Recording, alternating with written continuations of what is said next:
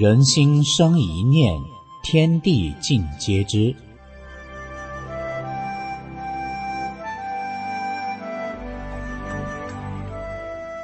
听众朋友，您好，欢迎收听明慧广播《善恶一念间》节目。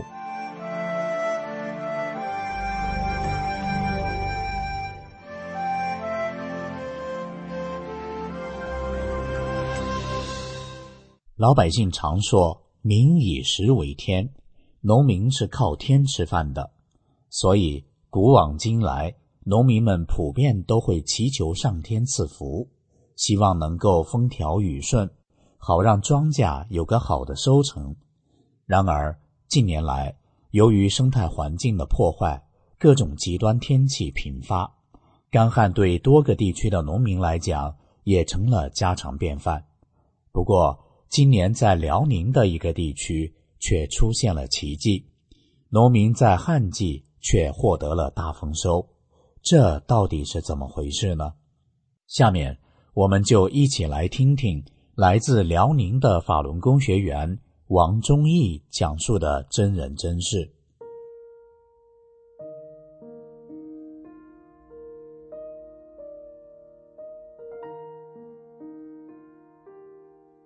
金秋干旱，可愁坏了我们这一代的农民百姓。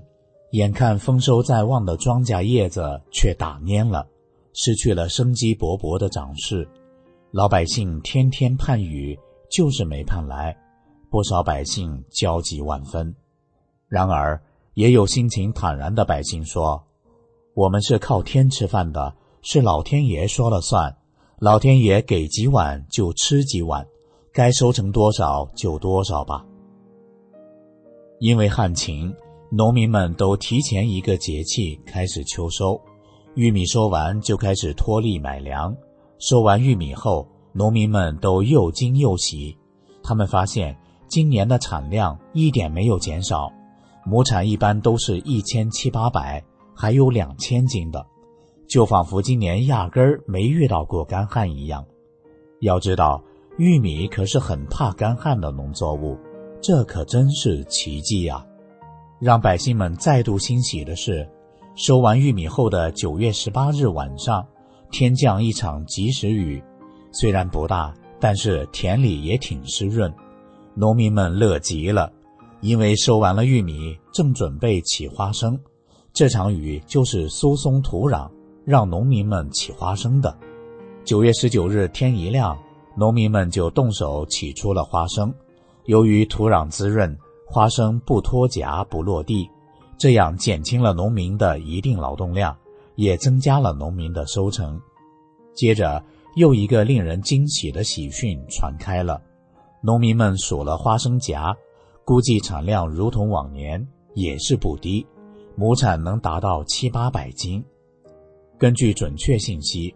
九月十八日晚上，这场及时雨仅仅是我们这一方下了，其他地区干涸的花生田邦邦硬，起不了花生。我们这一方的百姓为什么如此有福呢？答案是，法轮大法的洪恩福泽了我们这一方众生。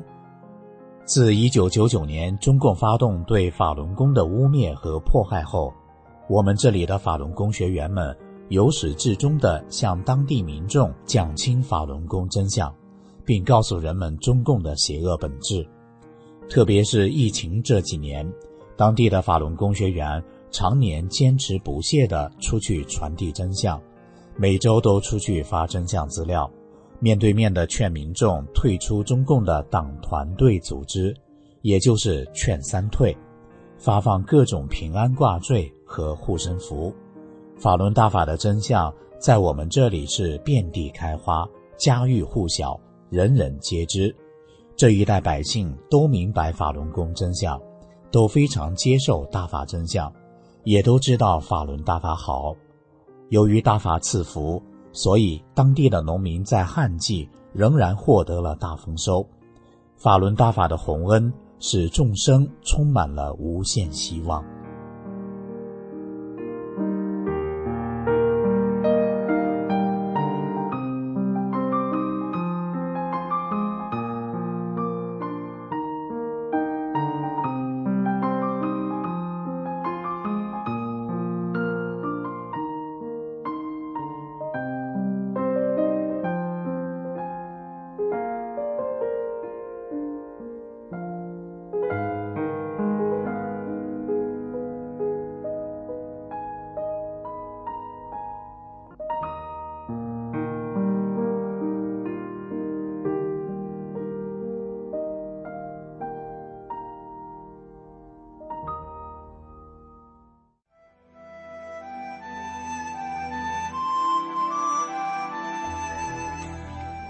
听众朋友，今天的善恶一念间就到这里，感谢您的收听。